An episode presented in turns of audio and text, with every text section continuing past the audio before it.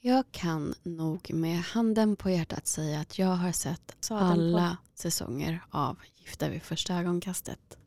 SVTs relationsserie där experter matchar ihop par för att de ska gifta sig med en person de aldrig har träffat förut och sen med stöd av experterna få utveckla en relation som tanken är då att det ska hålla. Jag har irriterat mig, jag har älskat dem, jag har engagerat mig så mycket och framförallt i senaste säsongen. Kanske för att jag då också var på en plats i livet där jag utforskade väldigt mycket av mig själv i en relation. Men det var en person som stod ut lite mer för att det kändes inte som att vi riktigt fick se henne. Var det så att hon hade satt upp en fasad? Eller var det bara så att eh, hon framställdes på ett sätt som var nästan som att hon hade blivit kastad till en roll som produktionen sen klippte ihop det till. När jag började följa den här personen på Instagram så märkte jag att oj, hon är så mycket mer än det vi har fått se i tv-rutan. Det här vill jag att ni ska få ta del av. Inte bara för att ni kanske har sett henne i tv utan också därför att det här är en person och en personlighet som är så viktig att lyfta fram. Jag känner igen mig väldigt mycket i henne och eh, kanske är det också därför jag brinner lite extra för att ni ska få se vem hon egentligen är. Så eh, vi satte oss ner en söndag eftermiddag och eh, pratade. Och det kommer ni få ta del av här. Varmt välkomna till Bakom fasaden-podden.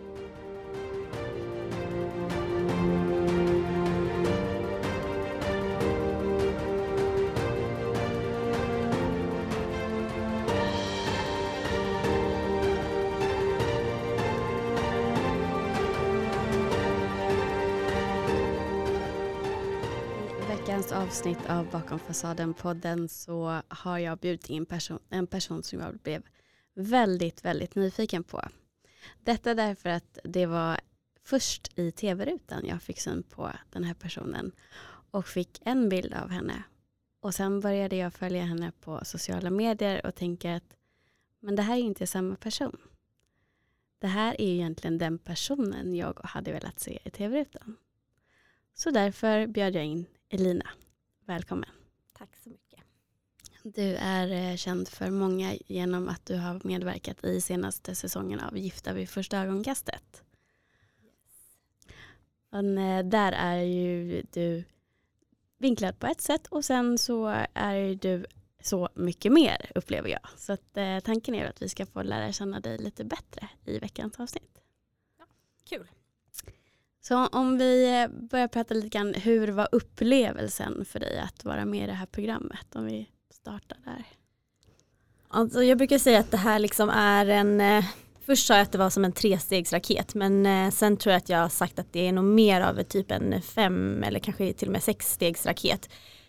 Det första liksom är ju när man någonstans bestämmer sig för att okej okay, men jag ska söka till det här eller Eh, I mitt fall så var inte det liksom något övertänkt beslut. Ofta så är det inte saker som är övertänkta superlångt i förväg när jag gör saker. Eh, men liksom att man, eh, eh jag tror jag hade sett avsnitt två av förra säsongen. Den som gick våren 2019. Eh, och så tänkte jag så här att ja men fastän det här verkar ändå finnas hyfsat vettiga människor som faktiskt söker till det här. Innan tidigare säsonger så har jag liksom inte känt att det har funnits någon som jag har känt så här, okej okay, men hade jag blivit matchad med den här personen så hade det kanske funkat. Eh, så då har jag inte ens liksom haft på kartan att jag skulle söka. Eh, men det var väl då som sagt efter avsnitt två av förra eh, säsongen som jag tänkte så här, men äh, vad har man egentligen att förlora? Jag skickar in. Eh, och då, sen börjar ju liksom det första steget med att du får eh, fylla i först en massa webbformulär och sen så går du vidare och nu vet jag inte exakt hur mycket jag får avslöja om den här processen men eh, hela den här processen var för mig i alla fall väldigt lång i och med att jag sökte ganska tidigt så hade de också tid på sig att liksom med lite jämna mellanrum pytsa ut de här uh, formulären, frågeformulären och sen um, hörde de av sig och uh, Eh, då fick jag komma och träffa alla de här experterna. Eh, Fredrik träffade jag också två gånger så att det var ju typ ja, men ganska precis ett halvår eh, med ansökningsprocess. Och det är, det är ju ett steg liksom, där man jobbar och gräver väldigt mycket i sig själv och vem man är och varför man söker och vad man söker och varför det inte har funkat tidigare och vad har funkat tidigare och vad har funkat mindre bra tidigare och så vidare. Och lite hur upplever man sig själv och hur upplever eh, ens nära eh, den personen som man är. Eh, ibland så kanske det är lite mismatch däremellan. Oftast eh, förhoppningsvis inte så mycket. Men, men vissa grejer ibland kan man ju uppleva om sig själv som någon annan kanske uppfattar annorlunda. Så att man eh, lämnar ju referenser, typ som när man söker ett jobb. Mm. Man lämnar familjereferenser. Så det är liksom första steget på resan. Sen, sen kommer nästa steg när man faktiskt får reda på att man kom med. Att det finns en matchning. Eh, och där hade vi tre veckor eh, mellan att vi fick det beskedet och att vi skulle, eller att det här bröllopet då skulle äga rum. Eh, och det är ju steg nummer två, liksom den här inför upprampningen. När det liksom, när man börjar fatta att det här kommer faktiskt hända. Och att det finns en, en annan person som är utvald. Och man börjar ju lite så här äh, luska i vem, vem kan det vara och eh, man får ju inte mycket ledtrådar alls.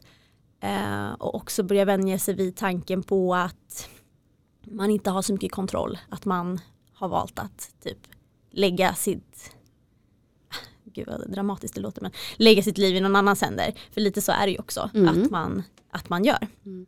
Eh, och sen så i, det här, i den här processen då så träffar man den här videojournalisten som sen följer eh, oss som par under inspelningarna av själva äktenskapsdelen eller vad man säger. Eh, så man lär känna honom och eh, man gör väldigt mycket liksom djupintervjuer, det som, som sen ses som typ synkar. Eh, allting som syns i typ första avsnittet spelade vi in under de tre veckorna. Eh, det kommer också små delar i avsnitt två, kanske tre också, när man går tillbaka och tittar på så här, men vad, vad sa man som bakgrund eh, och hur korrelerar det till den här situationen eller ja. Ehm, så det var tre veckor och det är ju liksom då fas två, man ska köpa en brudklänning och man ska liksom bestämma hur man vill ha saker och ting och i liksom ansökningsprocessen, ansökningsprocessen hade vi redan fått bestämma eller liksom fått önska vilken typ av bröllop och sådär vi vill ha men det fanns ju inga liksom garantier eller ja, så här kommer det att vara. Vilket är, jag är en person med väldigt stort kontrollbehov. Uh, så, men jag tänkte att ja, men det är väl liksom redan här lika bra att bara let it go. Okay, let it go Elsa. Ja, precis. um, och sen kommer ju då eh, steg tre, vilket är då när man har gift sig då med den här personen som man aldrig har träffat. Eh, och ska börja dels lära känna den här personen och dels förstå tankarna bakom varför man är ihopmatchade. Och eh, eh, ja, men leva tillsammans liksom och ja, se vad, eh, vad det egentligen kommer av, av det här eh, äktenskapet som det faktiskt är. Eh, vilket det är, det är ju ett liksom legally marriage man skriver på papper och sådär. Så, så skriver man ju äktenskapsförord såklart men man är ju liksom gift på pappret. Mm. Eh, sen så kommer ju eh, steg fyra vilket är efteråt liksom när man ja i mitt fall så blev det ju då en skilsmässa. Eh, när man ska bearbeta alla intryck av känslan av what the fuck just happened? liksom, ja. Vad har jag precis varit med om? Um, och bearbeta det. Uh, och liksom gå, gå vidare någonstans och sen också börja förstå och inse och processa att okej, okay, nu kommer det här faktiskt också sen sändas. Och bara för att snabba på sig, men eh, steg fem blir ju då under den tiden när allting väl sänds. Eh, och vi hade ju fått se alla avsnitten eh, i förväg så att vi visste ju, visste ju vad som skulle komma. Och då kan man ju också typ räkna ut vad kommer bli vad kommer bli en snackis och vad kommer folk reagera på och vad, eh, vad kommer bli liksom vem, kom, vem kommer man mm. vara? Mm. Vilken roll har du tilldelas? Exakt. Mm. Och eh, så det innebar ju också då att precis innan de här avsnitten började sändas eh, innan, precis innan det kom ut också vilka vi var som var med så var det ganska viktigt för mig att berätta för folk som jag känner fast kanske inte känner supernära men känner lite på håll. Typ som ja, men exempelvis typ mitt ex föräldrar och hans syskon för de hade jag en väldigt nära relation med. Det är inte så att jag ringde dem under tiden det här pågick eller liksom att vi pratar jämt. Men på något sätt så vill jag ändå träffa dem och berätta för dem innan så att jag har varit med i det här. Eh, och eh, att de, de skulle veta att de kunde fråga mig om det var någonting som de såg som de tyckte var konstigt. Eh, så det kändes som ganska viktigt. Det, nu, nu är de exempel på vilka mm. jag pratade med innan. Men det var några andra också såklart. Ehm, så att alltså, man har lite lagt ut sin, sina livbåtar så att man kan alltså att man är säker på att folk i alla fall alltså, folk man känner pratar direkt med en och vet att så här, jag kommer inte tycka det är konstigt om du vill fråga någonting om du tycker någonting ser konstigt ut. För att det är vad det är och det är tv liksom. Um, och sen så då under tiden som programmet går eh, då, då blir man ju plötsligt en, en karaktär såklart. Eh, för man blir den karaktären som folk ser på tv. Och det här var jag ju väldigt väldigt beredd på.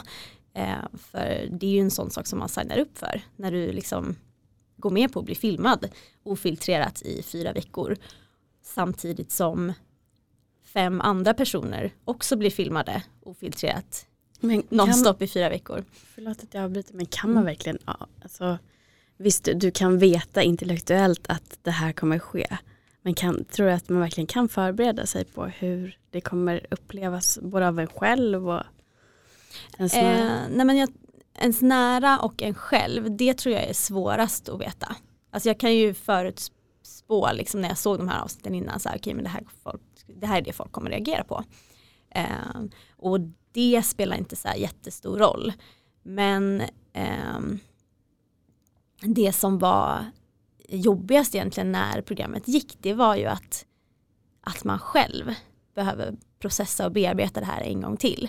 Och den här perioden var, det var en jävligt jobbig period. Alltså det vart inte så, det var inte så jävla nice som, eh, som man ju hoppas på när man går in i en sån sak. Um, och det är klart att man också är beredd på att det kan bli en, en sån period som är jobbig.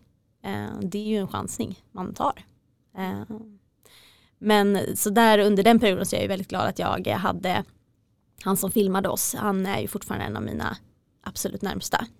Uh, och han var ju också med under, han visste ju allting, han visste ju precis exakt allt och vad som hände och hur det gick till och han visste också alla våra samtal som pågick både on cam, off cam och liksom alla tankar som vi bollade med varandra. Så att han var ju väldigt, väldigt bra att ha när man hade tittat på de här avsnitten det var liksom när de släpptes på tisdagar så var det första jag gjorde var att titta på det för att liksom påminna mig om okej okay, det är det här som kommer nu. Sätt på säkerhetsbältet för mm. nu kommer åsiktsstormen. Um, och sen ringde jag och pratade med honom och vi pratade typ 90 minuter efter att jag hade sett varje avsnitt för att liksom bara så här ja men bearbeta. Jag tror att så här man upplever allting igen i en selektiv form och då vill man nog bara egentligen så här, bara gå tillbaka till att men så här var det ju egentligen, eller hur? Mm. Um, jag kommer inte ihåg det här fel, eller hur? Um, och eh, ja, och där hade jag ju, jag skulle säga att vi hade ganska tur med tajmingen för våran säsong sändes. Första avsnittet började sändas i slutet på februari. Och sen så kom ju liksom pandemin eh, med restriktioner. Och jag, eh, sista dagen jag var på kontoret det var 12 mars. Sen var inte jag på kontoret förrän nu i slutet av september igen. Och då var jag liksom inte så mycket ute på stan. Så att jag behövde liksom aldrig få den här konsekvensen av att bli igenkänd. För att jag umgicks och var bara i liksom sammanhang där jag kände mig hemma. Eh, och det var ju för att de här restriktionerna var och för att för mig är det väldigt viktigt att jag får ha kvar mina pass på gymmet liksom och sådär och då, då kan jag inte hålla på och åka kommunalt eller vara inne på stan utan jag var ju typ hemma i stallet och på gymmet mm. under ja, men det här halvåret egentligen som har varit.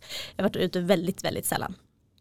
Så att den blev nog, om man jämför, ja, vilket man nog inte ska göra, man ska inte jämföra andras upplevelser, men jag tror att upplevelsen hade varit annorlunda om jag också dessutom hade varit i mitt man säger vanliga habitat, alltså åkt mycket mm. kommunaltrafik och blivit igenkänd och, och sådär, fått frågor.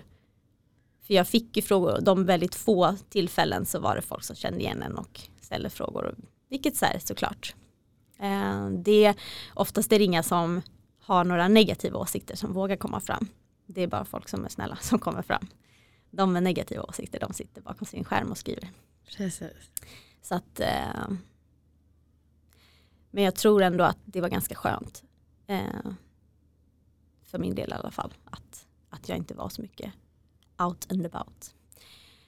Och sen kommer då den fasen som man är i nu. Mm. Eh, och som, jag vet inte riktigt hur länge den fasen kommer vara, men fasen liksom efteråt. Liksom, som är eh, när allt har sänts, allt är ute. Eh, nu ska det bara liksom typ klinga av.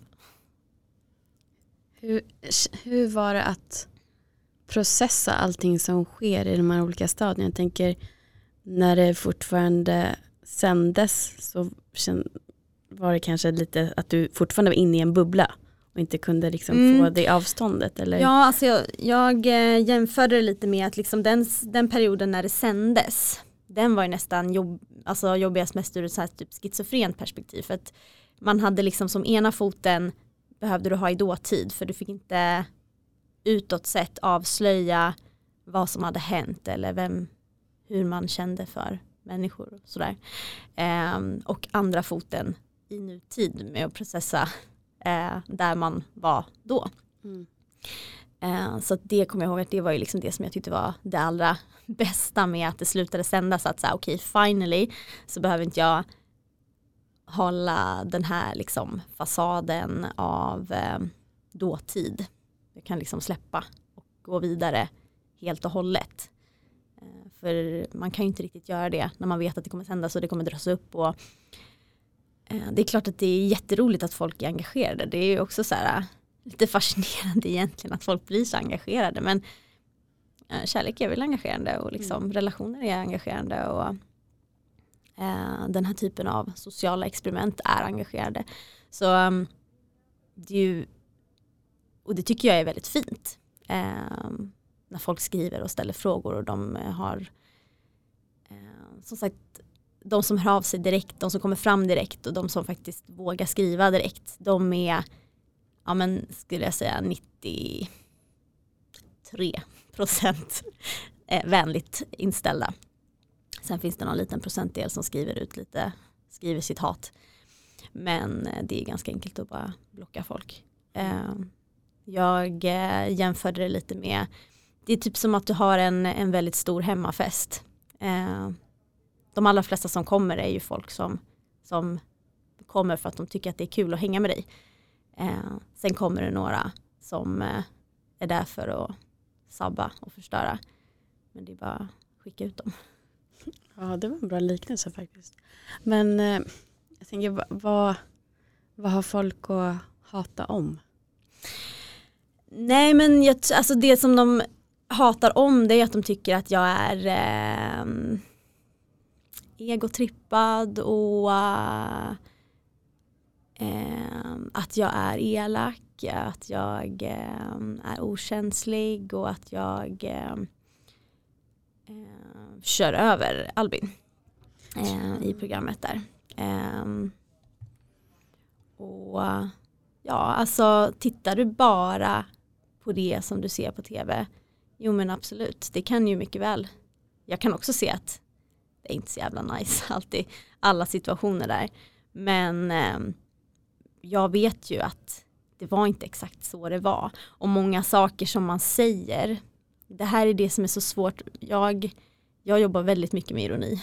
Jag är en väldigt ironisk person, jag är en väldigt alltså svart person när det kommer till humor också. Och både ironi och interna skämt och jargonger är ju väldigt, väldigt svårt att snappa upp när du bara får det dels ur sitt sammanhang och också liksom levererat i någon kort liten sekvens som, som du inte får veta upptakten eller nedtakten till utan den blir utvald för att det är ett roligt replikskifte eller liksom att det är, eh, jag vet inte, eh, någonting som sticker ut. Mm. Eh, och det är det ju helt klart. Men, eh, men det, det, blir svårt liksom att förstå när man inte vet så här, allt det som pågick innan just den här meningen sades mm. eh, och det som sen hände efteråt. Eh, och det är klart, nummer ett, även om den här videojournalisten är med så gott som eh, jämt så kan man aldrig vara med dygnet runt. Eh, så det pågår ju jättemycket samtal och jättemycket händelser som, som nummer ett inte filmas.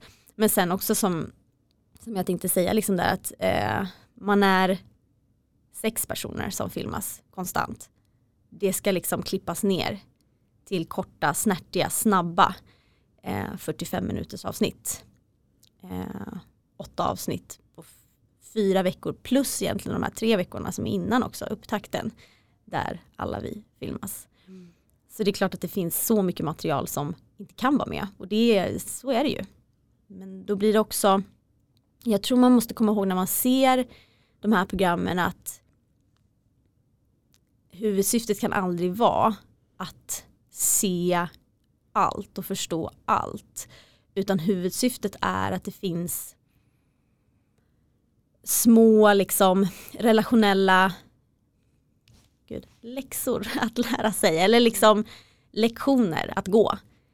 Um, och syftet också är ju att skapa diskussion. Mm. Um, sen finns det också, jag förstår också att man vill visa en annorlunda personlighet.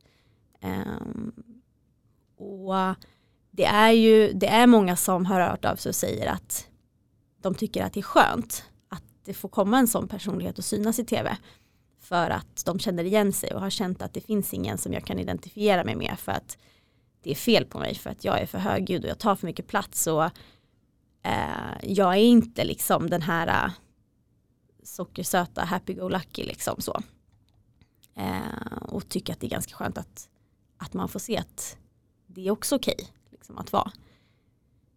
Um, så på så sätt så tänker jag också så här, nej men då är väl, då är väl det bra liksom. Att, att det kommer fram också. Mm.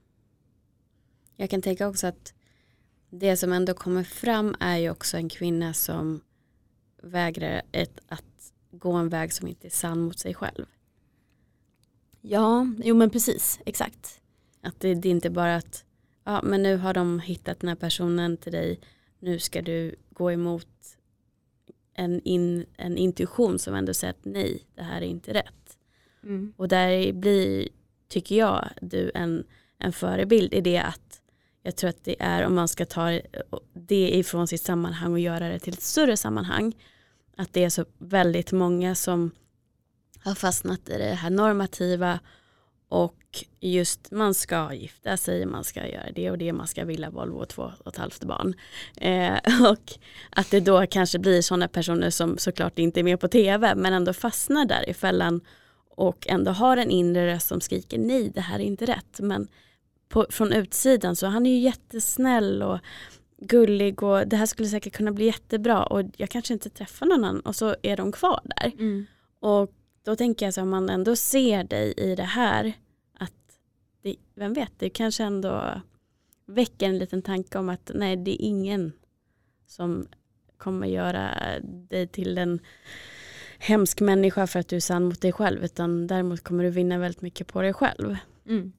Har du fått några sådana reaktioner eller någon som har som utifrån ett relationsperspektiv? Jag tror inte, inte den vinkeln riktigt. Så här. Sen är det nog folk som förstår liksom och så här, ser att det här nog faktiskt inte blev en så himla bra matchning.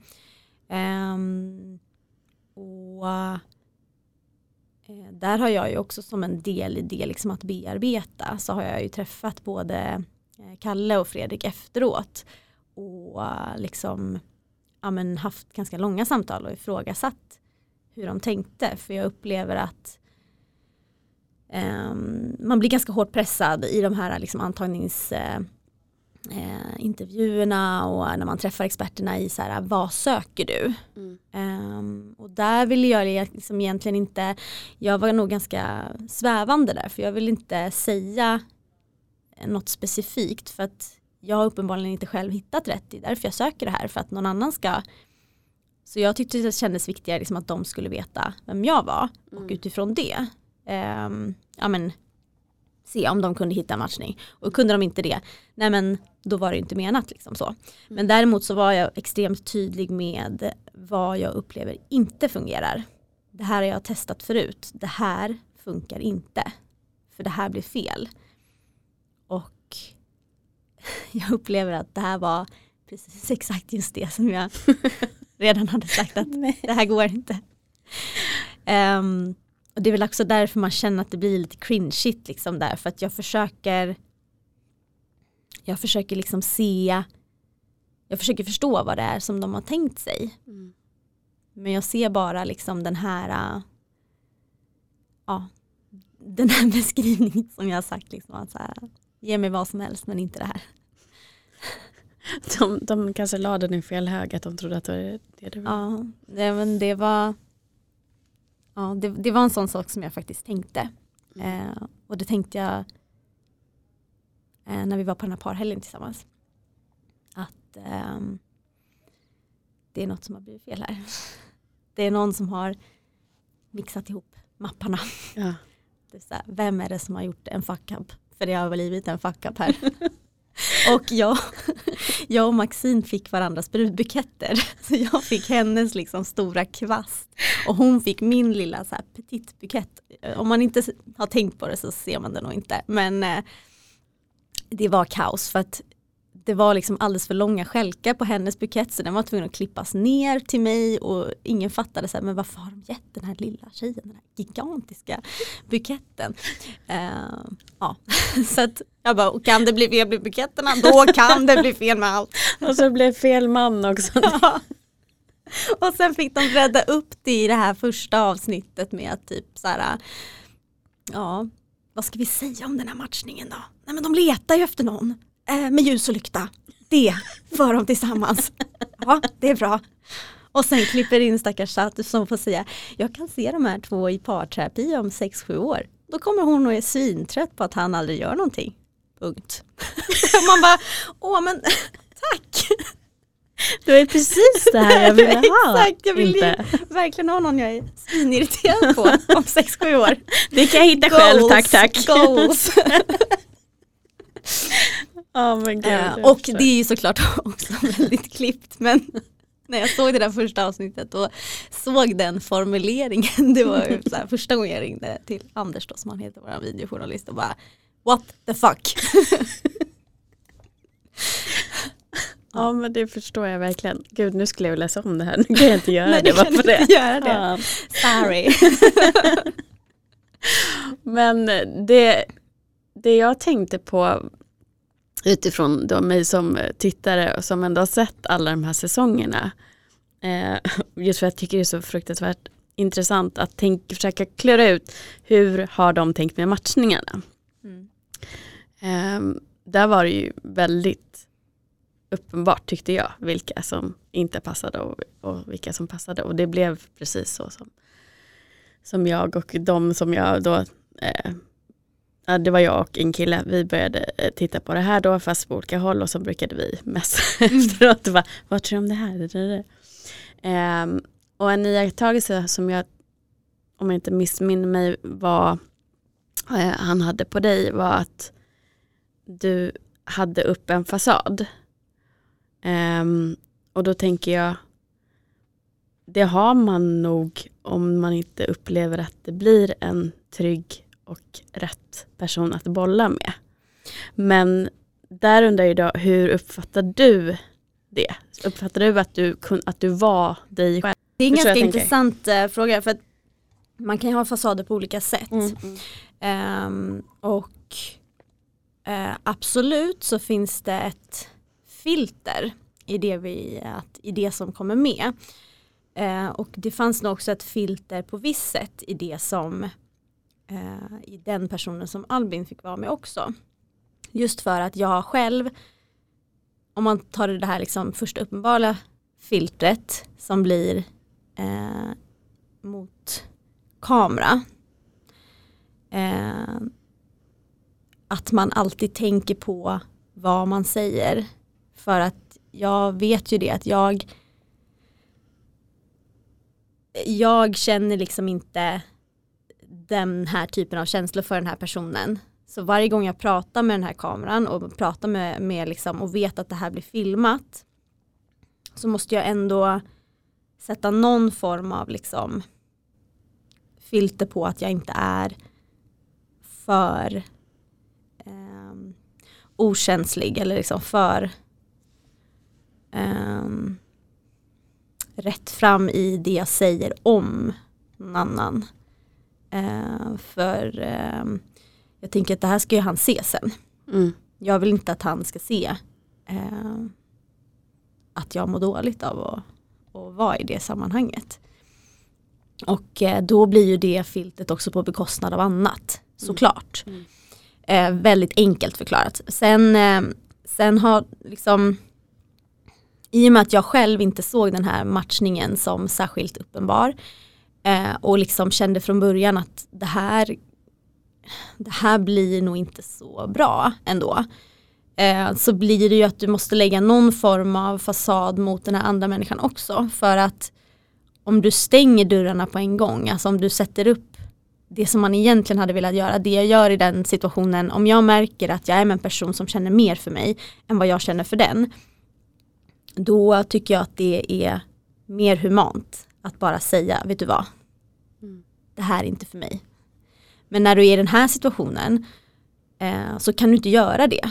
För det är inte rättvist mot den personen, det är inte rättvist mot liksom hela den här äh, processen eller liksom det du ändå har liksom signat upp för att göra. Eh, och sätter man då en så tydlig gräns i att jag vill inte, då kommer ju då kommer ju han aldrig kunna komma fram med en annan sida av sig själv. Då kommer han ju bara, jag upplevde att han, att han var väldigt osäker runt mig. Om jag då hade liksom mot honom bara sagt att jag vill inte, jag, liksom, det här kommer inte gå då hade han ju bara gömt sig ännu mer. Då hade det inte funnits liksom någonting att jobba med. Mm. Så där är det ju också lite, jag tror jag beskrev det som att så här, nej men istället för att vända och gå därifrån, vilket jag hade helst vilja göra, både liksom för, för båda våras skull, eller vad man säger. Mm. För att jag skulle slippa vara den som i slutändan behöver såra, för att han ska slippa vara den som blir mer sårad än vad han hade behövt bli. Eh, så, så står man kvar istället och bara testar liksom vart går det att flytta den här gränsen? Går det liksom att går det att känna någonting som man inte tror att man kommer känna liksom för att är det något, vad är det jag inte ser liksom? Det finns säkert någonting jag missar här. Um, så då blir ju det en fasad också. Så uh, ja. Dina vänner har ju haft, har du berättat för mig, svårt att ens titta på, att, på serien för att de upplever att det inte vinklas rätt. Mm, eller för att de eller? upplever liksom att det är en oschysst bild som målas ja. upp. Att, att det bara är, eh, Och som jag säger så här, det, det är ju klart att allt det här som är med, det är ju jag. För att det är filmat. Det är, jag står uppenbarligen där och säger det jag säger. Och, um, det, det är inga konstigheter med det. Men, men det är bara en del av en person. Och det som jag har fått, om jag har läst, liksom, jag har försökt att inte läsa så mycket vad folk skriver, men många skriver också att, att jag vill framställa mig själv som någon som är väldigt så här, stark och independent. Eh, fast jag i själva verket är jävligt skör. Eh, och då tänker jag så här, vem är inte det? Eh, och det är inte, det är inte någonting som jag har mm. valt. Mm. För jag väljer inte hur jag blir framställd. Nej. Eh, det är ju bara två delar av mig. Mm. Och hur de frågorna är ställda när du sitter i den intervjusituationen. Och också vilka delar som är medklippta. Och det tycker jag också är lite så här, det här som jag säger, eh, som folk snappade upp, är att, att det är jag som är draken. Eh, snarare än att vara prinsessan. Det kommer som en liten, en liten parentes på slutet i en väldigt, väldigt lång utläggning eh, som jag spelade in, för de vill ju också att man spelar in de här eh, videodagböckerna.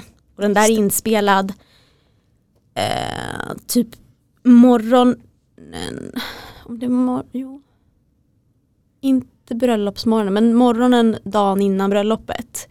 För att kvällen innan då så hade jag fått eh, ett brev honom. Liksom. Man fick ju skicka brev till varandra. Nu var det bara eh, LAS brev som kom med i serien till, till Jakob då. Eh, vilket var tur för att jag vet inte vad det, är, vad det var med det här brevet men jag fick liksom den här känslan av att oh fuck.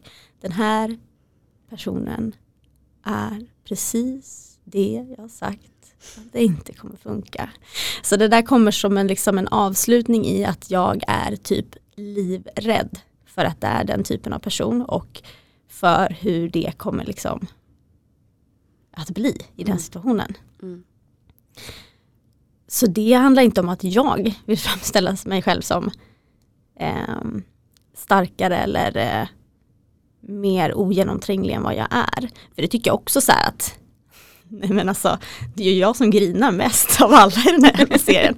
Jag tänkte det så jag bara, ja, jag är ju hon utan kläder som alltid gråter. Alltså det är ju jag i det här. uh, det gör jag jämt, jag är en jävla mjukis liksom, jag gråter alltid. Jag tycker det är asnice att gråta. Jag har liksom mina förutbestämda gråtfilmer eller typ mm. en sorglig podd som jag kan lyssna på. Men jag är så här, nu behöver jag tanka ur. Mm. Då lyssnar jag och sen så bara grinar jag en kvart och så bara så, klart. Ja, det är ditt utlopp liksom när ja. det blir för mycket. Precis. Mm. Eh, som sagt jag har ganska stort kontrollbehov så då vill jag veta exakt när det sker och eh, hur det sker. Och att jag har koll på vad jag ska göra direkt efter så att jag inte behöver du har mellan klockan ett och klockan två och sen får jag... Ja, sen är det rekreation. jag behöver sminka över det här och så. Ja, en halvtimmes rekreation, sen kan jag möta massorna igen. Ja, jag fattar. Men eh, om man då tänker, för jag, jag, jag upplever också att eh, jag känner igen mig lite i det där eh, och jag vet, jag har fortfarande inte riktigt kommit fram till varför jag hade ett behov av att eh, ofta visa de sidorna av mig som jag tyckte var lite så här coola. Typ, oj jag håller på med thaiboxning. Ja, fast precis som du så är jag också väldigt, um, jag kallar det för stark skör. För jag tycker att är vågar man vara sårbar och sådana saker så, och dessutom är högkänslig som jag, så är det, det är en väldig styrka i att ändå våga släppa fram känslor. När det är så många som har svårt för det. Mm. Um, jag tror också att det har varit, nu utgår jag bara från mig själv, men just att det har varit viktigt för mig att visa att jag är inte bara den personen, utan jag har ett helt register. Mm. Jag kan trivas jättebra i, med saker som har med träning att göra som eh, kanske inte är det här typiskt traditionellt kvinnliga. Men jag försöker och jag märker också att jag mår mycket bättre nu när jag också släpper fram mycket mer av det feminina i mig. Eh, och kan hitta någon slags balans mellan det här ömma eh, och det, det hårda.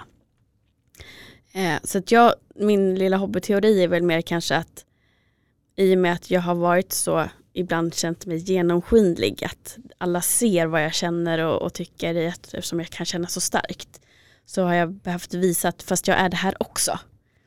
Eh, och det var lite därför jag ville ha med det också för att jag ville visa alla som har tittat på det här och fått en viss bild att du är så extremt mycket mer än det lilla som de har sett och som har klippts ihop. Och jag tänker också att det är viktigt att tänka på när man tittar på sådana här avsnitt för, eller serier. Att absolut, man vill kanske som precis som med en film att alla ska få varandra i slutet. Men det här är ju reality, alltså det är på riktigt. Och skulle jag fråga dig nu, tycker du om hamburgare eller korv? Och så säger du korv. Då skulle jag faktiskt rent tekniskt kunna koppla ihop det, fråga en helt annan fråga och sen klippa att du svarar korv på något annat. Mm. så bara för att förenkla det extremt ja. mycket. Um, så att man, jag tror att det är viktigt att man faktiskt sätter på sig de glasögonen också när man tittar på sånt här. För det är riktiga människor som är med och det är deras riktiga liv som man får se en liten del av. Mm. Ja, en väldigt extremt nedklippt version ja. av det. Um, och ja, um, som sagt, um, jag skulle inte säga att jag vill framställa mig själv som starkare eller liksom mindre kvinnlig eller liksom så här, det, det är bara en del av den jag är och jag tror att det var också det, jag förstod ju det på de frågorna som de ställde liksom i de här inför intervjuerna att det var en typ av person som de tyckte var intressant. Mm. Så det är klart att de tar med delar av det då. Att man är en, en alternativ kvinnlighet skulle jag säga. Liksom att kvinnlighet behöver inte vara den här boxen som vi ser framför oss. Eh, utan det kan också vara så mycket mer. Mm. Eh, det jag tyckte var lite tråkigt och som jag sen pratade med, med Anders om och han höll med mig det att eh, okej okay, nu har vi kastat den här starka självständiga personen som har en hög ambition som drivs av att vara driven och att ha mycket saker framför sig och liksom så och är färgstark och liksom en stor person. Mm. Vi tar henne, vi sätter henne tillsammans med någon som, som eh, är lugnare för att minska ner henne lite. Ja, alltså det hade varit så himla häftigt att få se dig med någon som var mer som en manlig version av dig som var väldigt stark och färgglad, alltså rent personlighetsmässigt också. Mm. Och få se vad händer där. Jag skulle kunna se framför mig lite mer så power couple. Att ni liksom tar fram eh, era likheter, att de kompletterar lika mycket som olikheterna kan göra. Mm. För jag tycker det känns så, det var en sån sak som var jobbig liksom att bearbeta som jag pratade mycket med honom om och okej okay, men är det det man säger då? Mm. Att jag är fel, att jag behöver ja, vara annorlunda för mm. att vara bra nog. Eh, och så är det ju inte, alltså så här, men de går ju lite i den fällan också. Att, mm. För det var det som var tanken med matchningen att min liksom höga energi skulle möta hans lite liksom lugnare energi och att vi skulle mötas någonstans på mitten. Men det är ingen som ens har brytt sig om att fråga om jag trivs med att vara i den här höga energin. Trivs med att ha så här mycket saker att göra, trivs med att liksom springa framåt. Eh, det är ingen som, man bara antar, ut, liksom bara rent presumtivt att, att man inte vill vara så. Mm. Men jag trivs med att vara så. Det är ju den som är jag. Mm. Och det är klart att så här, jag fattar också att jag inte kan ha åtta träningspass i veckan samtidigt som jag har en egen häst och ett heltidsjobb och ett dubbjobb om jag dessutom också ska klämma in ett förhållande. Men det är klart som att jag har det med i beräkningarna. Liksom. Mm. Att, um, och under den här inspelningen så hade jag tagit semester från mitt vanliga jobb. Och det är det som folk också så här, ifrågasätter, så här, typ att ja, vad har hon ens för riktigt jobb? Det verkar hon inte vara på överhuvudtaget. Men eh, och bara någon skrev att det var en så otroligt, jag ser bara en otroligt splittrad personlighet som inte vet vem hon är. Vad är det för prat om alla olika jobb? Det där är bara något. Mm. ja, att man säger att det är en fasad liksom. Men det är klart att jag hade tagit ledigt från saker för att spela in. Eh, och det pratade jag och Kalle om mycket också, så här, typ att vad har du för plan om det här skulle funka? Liksom? Vad har du för plan i var frigör du din tid? Mm. Och det är klart att jag har så uppsägningstid från mina klasser och sådär men jag hade ju liksom tänkt ut, okej okay, vilka klasser släpper jag, vilka klasser har jag kvar? Eh, vem skulle jag kunna, hur skulle jag kunna göra för att rekrytera en medryttare till min häst och, och sådär. Men det vill ju inte jag göra innan det här drar igång och då var det mycket lättare att bara ta semester från det vanliga jobbet för där har man ju laglig rätt till semesterdagar. Eh, så det var bara att lägga in det. Istället för att säga upp sånt som sen blir oåterkalleligt om det här skiter sig. Ja för då gör du avkall på vem du är och det är inte tanken. Nej och sen var jag ju också så här typ att om det här inte blir om det här inte blir helt fantastiskt då kommer jag behöva de här gympassen för att avreagera mig för att inte vara totalt hemsk. Mm. Um, och han var ju med på de här gympassen också. Han tyckte det var ganska kul tror jag.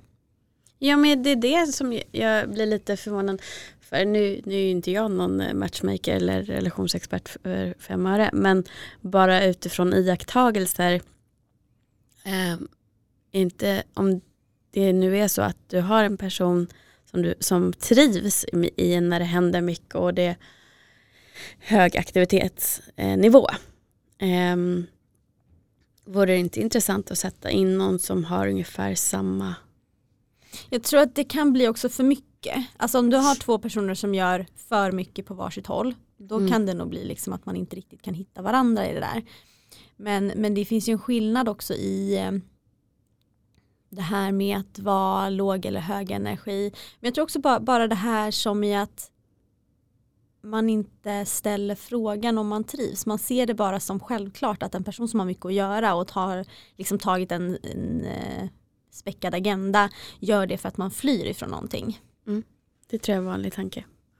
Um, och till, till en början så, så tror jag att jag eh, flydde in i träningen.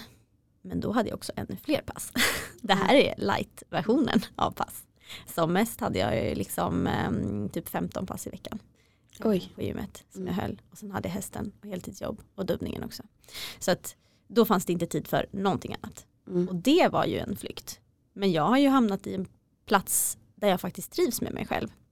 Och jag trivs med att göra mycket. Mm. Jag trivs med att, att ha de här olika delarna eh, i mitt liv. Och jag har faktiskt också liksom små utrymmen för eh, återhämtning och annat. Men jag tänker om du då är i en relation med någon som ni kanske um, säger att båda gillar att gå på gymmet, att man gör det tillsammans eller har klasser. Eh, mm.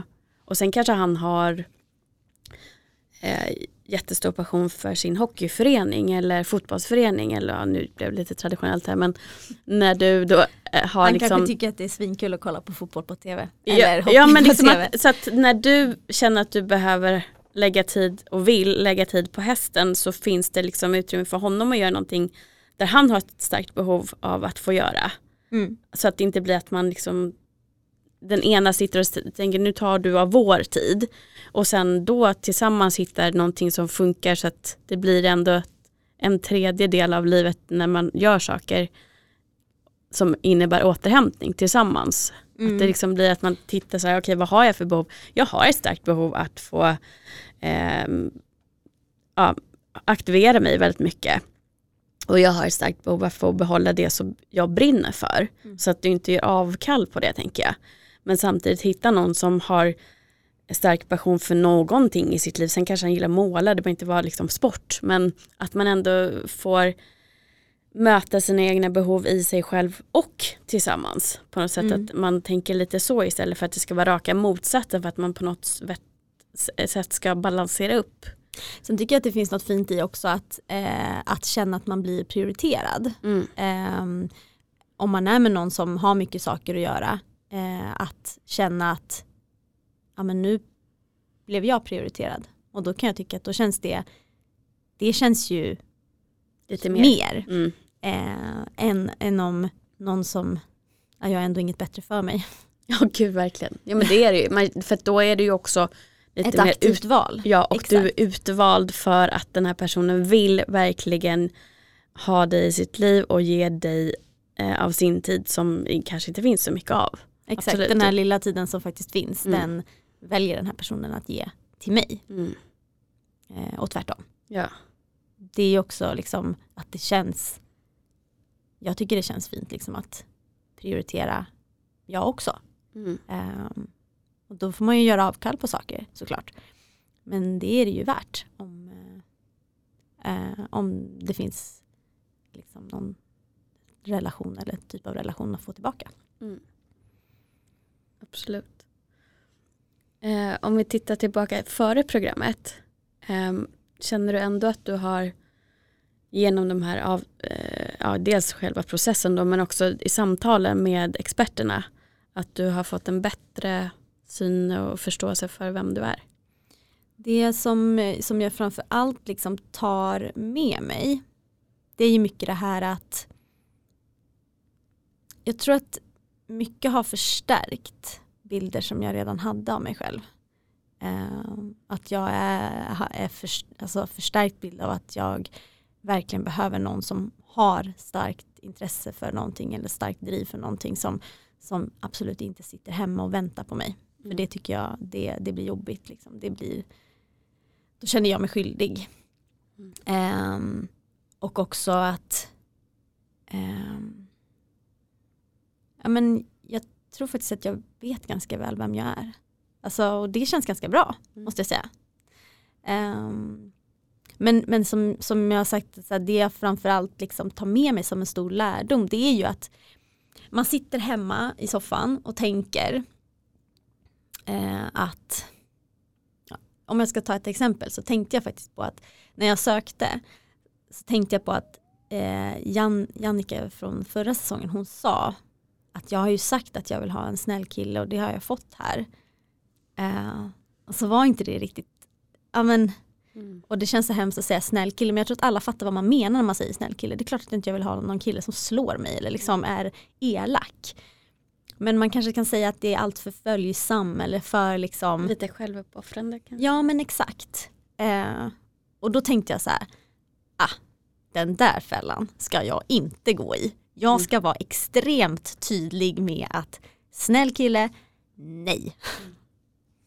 Nej, för det där, det där ordet snäll är så ofta missförstått. För det jag menar om jag säger att jag vill ha en snäll kille är ju att jag vill ha motsatsen till någon som är elak mot Mm. mig. Eh, Och det, är, men det tänker jag, är- det, det är ju någonstans lite så här underförstått. Eller Ja. liksom, Men tydligen inte. nej tydligen inte. Eh, nej men så, att, så det jag menar med det är att liksom det jag har lärt mig är att man kan aldrig tänka sig in i att jag skulle ha gjort sådär eller att jag skulle minsann ha sagt sådär i den situationen. Om det där hände mig då hade jag reagerat så här. Att det kan man inte veta förrän man är i exakt just den situationen. Man kan Mm. inte liksom säga att under press eh, i eh, en situation när jag är bortgift med någon jag inte känner så hade jag gjort så här. Mm. Det kan man inte säga förrän man, förrän man är där. Och det är också så här, man kan inte säga det förrän man är där med just exakt den personen. Det är möjligt att det hade varit helt annat eh, med någon annan. Liksom, och då hade någon annan person kommit fram kanske. Mm. Det vet man ju inte heller. Vad har du lärt dig är för dig viktigaste egenskaperna hos en man? Om du får säga tre. Tre. Ehm, nej men jag tror att en viktig egenskap är att man har en typ av ambition och en typ av driv för att man ska kunna känna igen sig och i och uppskatta eh, det drivet att vilja driva framåt hela tiden. För det har jag upplevt i tidigare relationer, liksom att, man, att man hamnar i att det blir jobbigt för den andra. Att den blir stressad av det. Sen eh, tror jag också eh,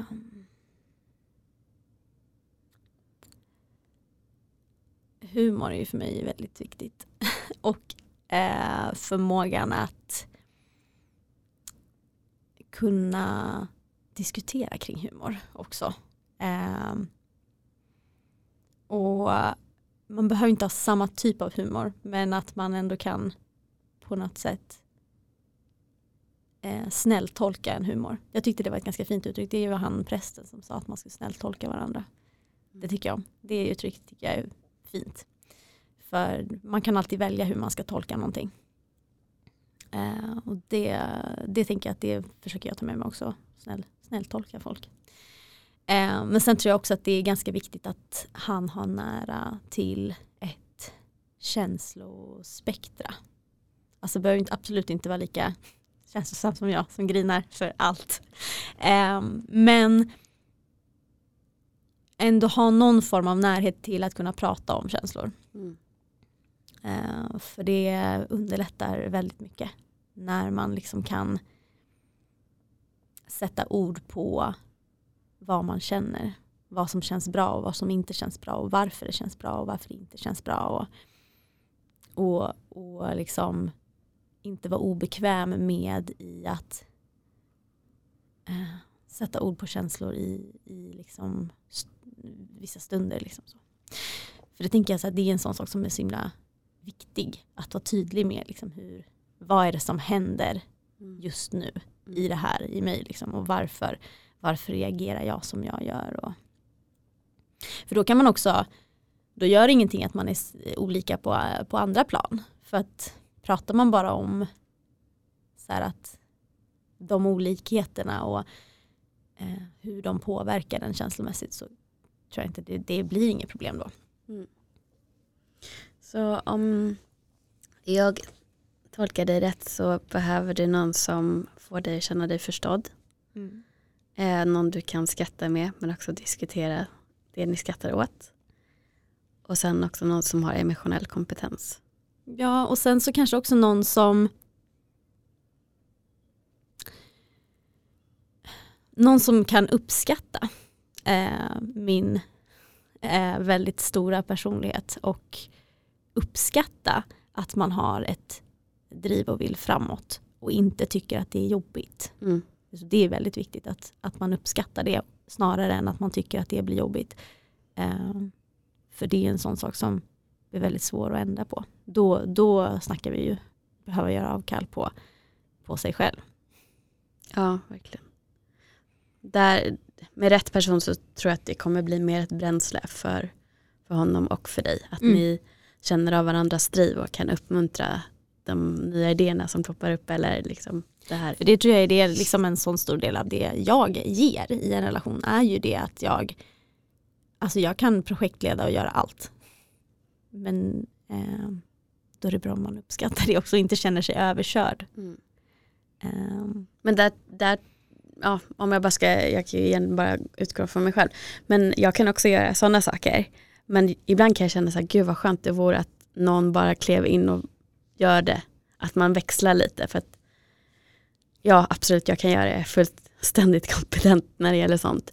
Men ibland orkar jag bara inte och då var det skönt att ha någon som är lik en där som bara kan kliva in och ta samma roll när det, det, behövs. Det var ganska precis det jag sa när jag ja. var i den här ansökningsprocessen att jag vill ha någon som jag kan växeldra med. Mm. Jag, jag kan absolut dra det här tåget. Eh, jag kan springa längst fram, jag kan göra det i princip hela tiden. Men ibland behöver jag någon som bara så här, tar den en liten stund så att jag får typ andas lite. Sen kan jag dra igen, men eh, alltså som sagt, någon som växeldrar. Det var bra uttryck, det där ska jag ta med mig också. Så eh, nu eh, om eh, några matchmaker hör ta till er att eh, vi som funkar på det här sättet kan tänka så. Ehm, innan vi avrundar, är det någonting mer du vill att de som har tittat på det här eller de som har en bild av dig utifrån skulle alltså, vilja veta? Alltså, ehm, man låter kanske lite dryg när man säger det men jag skiter faktiskt lite i vad folk har för bild av mig egentligen. Um, och det är lite som jag sa också där med, med, jag tycker sociala medier det är lite som en hemmafest och jag har valt att ha mina konton öppna. Alla är välkomna hem till mig. Kom och hälsa på.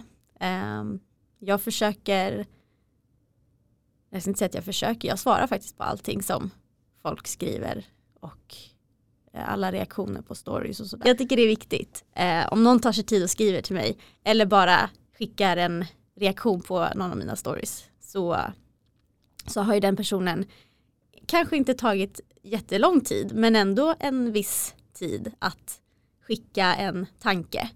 Och då tycker jag det känns väldigt viktigt att, eh, jag menar att bemöta det. För jag tycker det är härligt. Det är därför vi har sociala medier, för att det är en interaktion. Mm. Um, så folk är välkomna hem till mig, till min, min, mina sociala kanaler och hälsa på. Um, men om man inte kan bete sig så blir man utslängd. Då kan man hålla sig borta. Ja, precis. Men som sagt, nu var det väldigt länge sedan som mm. någon inte kunde bete sig. Jag kan varmt rekommendera din Instagram om man tycker om att skratta. För det, det gör jag väldigt ofta. ja, som sagt, jag är ganska ironisk och jag kan vara ganska svart i min humor men jag tycker också att jag är ganska rolig faktiskt. Jag tycker du är skitrolig och uppenbarligen så har väl jag samma humor då eftersom jag skrattar åt det du lägger upp. Mm. Vad bra. My treat. ja, precis. Vad heter du på Instagram och andra sociala kanaler för de som mm. vill leta upp dig? Jag har faktiskt bara Instagram mm. Eh, för att jag, i och med att jag gör så mycket annat så behöver jag skala och eh, så därför använder jag bara Instagram. Och där heter jag eh, Räser, alltså som mitt namn R-A-E-C-E-R. Ja. Och för er som inte orkar leta upp det så går det också bra att gå in på Bakom fasaden-podden och kolla efter mina följare. Eller vilka jag följer. Så hittar ni jag följer också. Ja, så ja. Det, det är jätteenkelt. Det brukar jag säga till dem för att en del kanske bara, ja men nu fattar jag inte hur det här stavas. Eller nu var det. det är jätteenkelt att bara gå in där och kika. Mm. Bara trycka ett R. Så bara trycka ett R. Så kommer ja, jag har faktiskt kvar min pressbild där men det kanske börjar bli dags att uppdatera den nu då när det här inte ens finns kvar på Play längre. Ja. Nu, nu, kanske, det, nu kanske det är eh, fas 7. Nu kommer fas 7. ja men det låter jättebra. Ja. Jättetack för att du har varit här idag. Tack för att jag fick komma. Och eh, tack till dig som lyssnar, som delar och hör av er med era tankar och eh, ja, er feedback på innehållet. Så fortsätt eh, att engagera er i både podden och i er egen utveckling så vet jag att jag når fram. Och tills nästa gång vi hörs, ta hand om dig.